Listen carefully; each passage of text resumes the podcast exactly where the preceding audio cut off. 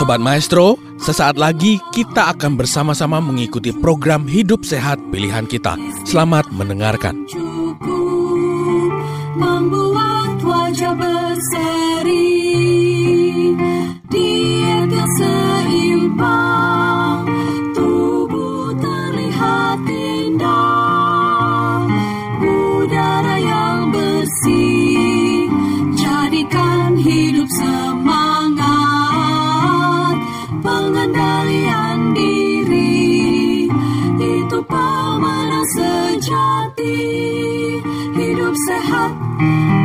anugerah Tuhan hidup sehat sangat berharga sepuluh hukum kesehatan hidup sehat Shalom saudara-saudara yang kekasih di dalam Tuhan.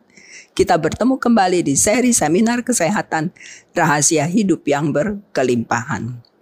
Sapaan orang Tionghoa jika ketemu adalah ni ce lemah atau ce fan lemah yang artinya sudah makan belum atau sudah makan nasi belum. Orang Tionghoa memang suka makan. Chinese food adalah makanan yang populer di seluruh dunia. Selain karena rasanya enak, tetapi juga orang Chinese tersebar di seluruh dunia. Ada lelucon yang mengatakan, orang Tionghoa memakan segala hewan yang berkaki empat, kecuali meja dan kursi, memakan segala hewan yang terbang, kecuali helikopter atau pesawat terbang, dan memakan segala hewan di air, kecuali kapal selam. Ada lagi perkataan yang mengatakan secai Guangzhou, cuancai Suzhou, wancai Hangzhou, sicai Liuzhou. Artinya makan di Guangzhou, beli baju di Suzhou, main di Hangzhou, meninggal di Liuzhou. Mengapa? Karena Guangzhou merupakan salah satu kota di Tiongkok yang mempunyai makanan enak-enak, Cantonese food. Dan Suzhou adalah asal dari sutra dan sulam yang indah-indah. Kalau provinsi Hangzhou itu mempunyai pemandangan yang indah-indah. Jadi kalau mau main, mainlah ke sana. Sedangkan di Liuzhou katanya kayunya sangat berkualitas untuk membuat peti mati. Jadi meninggallah di Liuzhou. Ini sebenarnya adalah pola hidup orang modern. Bukan hanya orang Tionghoa. Makan-makan, pakai, fashion, main-main, menikmati hidup kemudian meninggal. Sebenarnya apa sih arti kehidupan ini? Rahasia hidup yang berkelimpahan. Di dalam Yohanes 10 ayat 10 dikatakan, Pencuri datang hanya untuk mencuri dan membunuh dan membinasakan. Yesus bilang, "Aku datang supaya mereka mempunyai hidup dan mempunyainya dalam segala kelimpahan." Tuhan mempunyai rencana untuk kehidupan Anda. Iblis pun mempunyai rencana untuk kehidupan Anda. Yang manakah yang Anda pilih? Rencana Tuhan atau rencana iblis? Rencana Tuhan adalah rencana damai sejahtera agar kita mempunyai hidup dan hidup yang berkelimpahan. Sedangkan rencana iblis adalah rencana kecelakaan, mencuri hidup yang dijanjikan Tuhan, membunuh dan membinasakan kita. Sekali lagi, yang manakah pilihan Anda? Kita akan belajar New Start, yaitu resep hidup sehat jasmani, mental, dan rohani yang sesi lalu kita sudah uh, singgung mengenai New Start ini. Kita belajar New Start agar kita lebih mengerti lagi bagaimana iblis mau mengambil hidup itu dari kita. Kita ingat-ingat dulu, New Start adalah singkatan dari nutrition, nutrisi, exercise, olahraga, water, air, sunlight, sinar matahari, temperance, pengendalian diri, air, udara, rest, istirahat, dan trust in God, percaya kepada Tuhan. Hari ini kita akan bahas nutrition, yaitu N dari New Start. Pada mulanya, Tuhan memberikan manusia makanan yang memberikan kesehatan bagi tubuhnya. Kita bisa baca di dalam kejadian 1 ayat 29. Dikatakan berfirmanlah Allah, lihatlah Aku memberikan kepadamu segala tumbuh-tumbuhan yang berbiji di seluruh bumi dan segala pohon-pohonan yang buahnya berbiji. Itulah akan menjadi makananmu. Ini adalah menu makanan yang Tuhan berikan pada saat Tuhan menciptakan manusia. Jadi makanannya adalah buah-buahan dan biji-bijian. Kemudian setelah berdosa, Tuhan tambahkan lagi yaitu uh, sayur-sayuran. Di dalam kejadian 3 ayat 18 dikatakan, semak duri dan rumput duri yang akan dihasilkannya bagimu dan tumbuh-tumbuhan di padang akan menjadi makananmu. Semua makanan yang Tuhan berikan untuk manusia adalah makanan bergizi yang memberikan kita kesehatan dan vitalitas. Tetapi rencana Tuhan yang indah itu dirusak oleh manusia karena dosa. Di zaman modern ini, manusia sudah merubah makanan bergizi yang Tuhan ciptakan menjadi makanan tanda kutip yang sebenarnya sudah bukan lagi bisa disebut makanan. Mengapa? Makanan yang nyaris tidak punya manfaat bagi tubuh.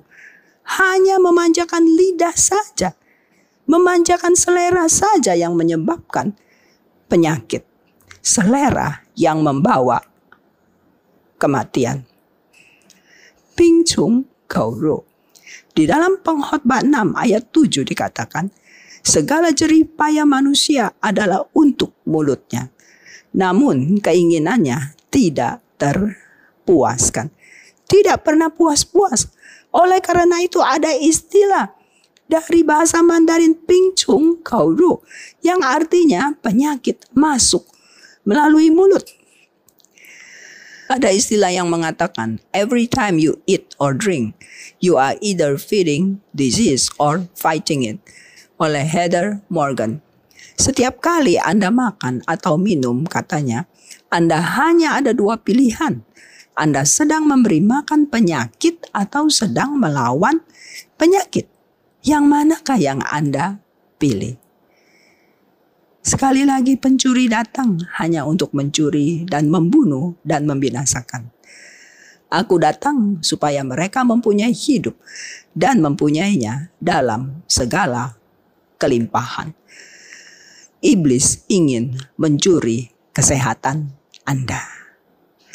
Satan's counterfeit diet yaitu makanan tiruan dari setan. Zaman dulu, orang jika mau makan manis, kunyah-kunyah tebu, gigit-gigit tebu. Dapatnya juga sedikit-sedikit air tebunya. Tidak mungkin makan banyak manis karena mulut bisa lecet-lecet berdarah. Orang dulu tidak banyak makan manis. Sekarang orang makan manis bisa berlebih-lebihan. Luar biasa. Contoh kentang. Kentang adalah makanan yang bergizi yang Tuhan ciptakan untuk kesehatan tubuh kita. Karena diolah, ditambahkan macam-macam bahan tambahan makanan, kemudian digoreng. Akhirnya, kentang yang merupakan makanan sehat menjadi makanan tidak sehat yang disebut junk food. Pencuri datang dia mau mencuri nutrisi dari kentang itu. Kemudian mau membunuh kita. Kita sakit, terus kita menyalahkan Tuhan. Iblis mau mau membinasakan kita. Junk food itu apa sih? Dari namanya aja sudah kita tahu, artinya adalah makanan sampah. Sepertinya kasar ya. Makanya saya tulis junk food saya nggak berani tulis makanan sampah, padahal artinya sama. Apa arti sampah? Sesuatu yang nggak ada gunanya. Jadi apa artinya junk food? Junk food adalah makanan yang tidak ada gunanya. Tidak ada manfaatnya. Bagi siapa? Bagi tubuh. Karena tidak ada manfaatnya, tidak seharusnya masuk ke dalam tubuh kita, bukan? Junk food memang adalah makanan yang tidak sehat. Itu ciptaan dari manusia. Dan itu makanan yang tinggi kalori, tinggi gula, tinggi lemak, sedikit serat, minim vitamin dan mineral. Nilai-nilai gizi yang penting lainnya sangat minim dan kadang tidak ada gizi sama sekali. Jadi jika sering dikonsumsi junk food ini akan membahayakan kesehatan, meningkatkan resiko penyakit kronis atau penyakit pola hidup. Kita ambil contoh junk food yang manis-manis, yaitu yang dari gula olahan. Makanan yang tinggi gula ini adalah makanan zaman sekarang. Banyak makanan manis-manis yang beredar. Sebenarnya ada apa dengan gula? Memang banyak orang tahu gula itu tidak baik bagi kesehatan, bahkan buruk katanya. Tetapi mengapa? Kita akan lihat mengapa gula olahan tidak baik bagi kesehatan. Kita ambil contoh gula pasir. Gula sebenarnya ini gula yang sudah olahan ya. Gula olahan sebenarnya bukan makanan. Karena terdiri dari 99,9% sukrosa. Dan jika masuk ke tubuh, menjadi sangat berbahaya. Karena nutrisi di dalam tubuh kita bekerja secara sinergi. Bermacam-macam nutrisi di dalam tubuh bekerja secara sinergi untuk menghasilkan hasil yang maksimal untuk kesehatan tubuh. Jadi tidak ada makanan di alam yang Tuhan ciptakan yang hanya mengandung satu jenis nutrisi. Sobat Maestro, Anda baru saja mendengarkan program Hidup Sehat Pilihan Kita.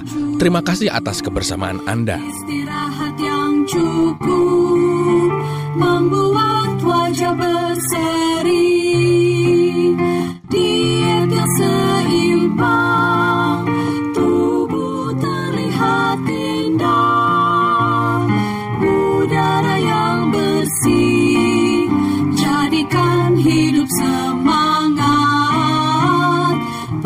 Pengendalian diri, itu pemenang sejati.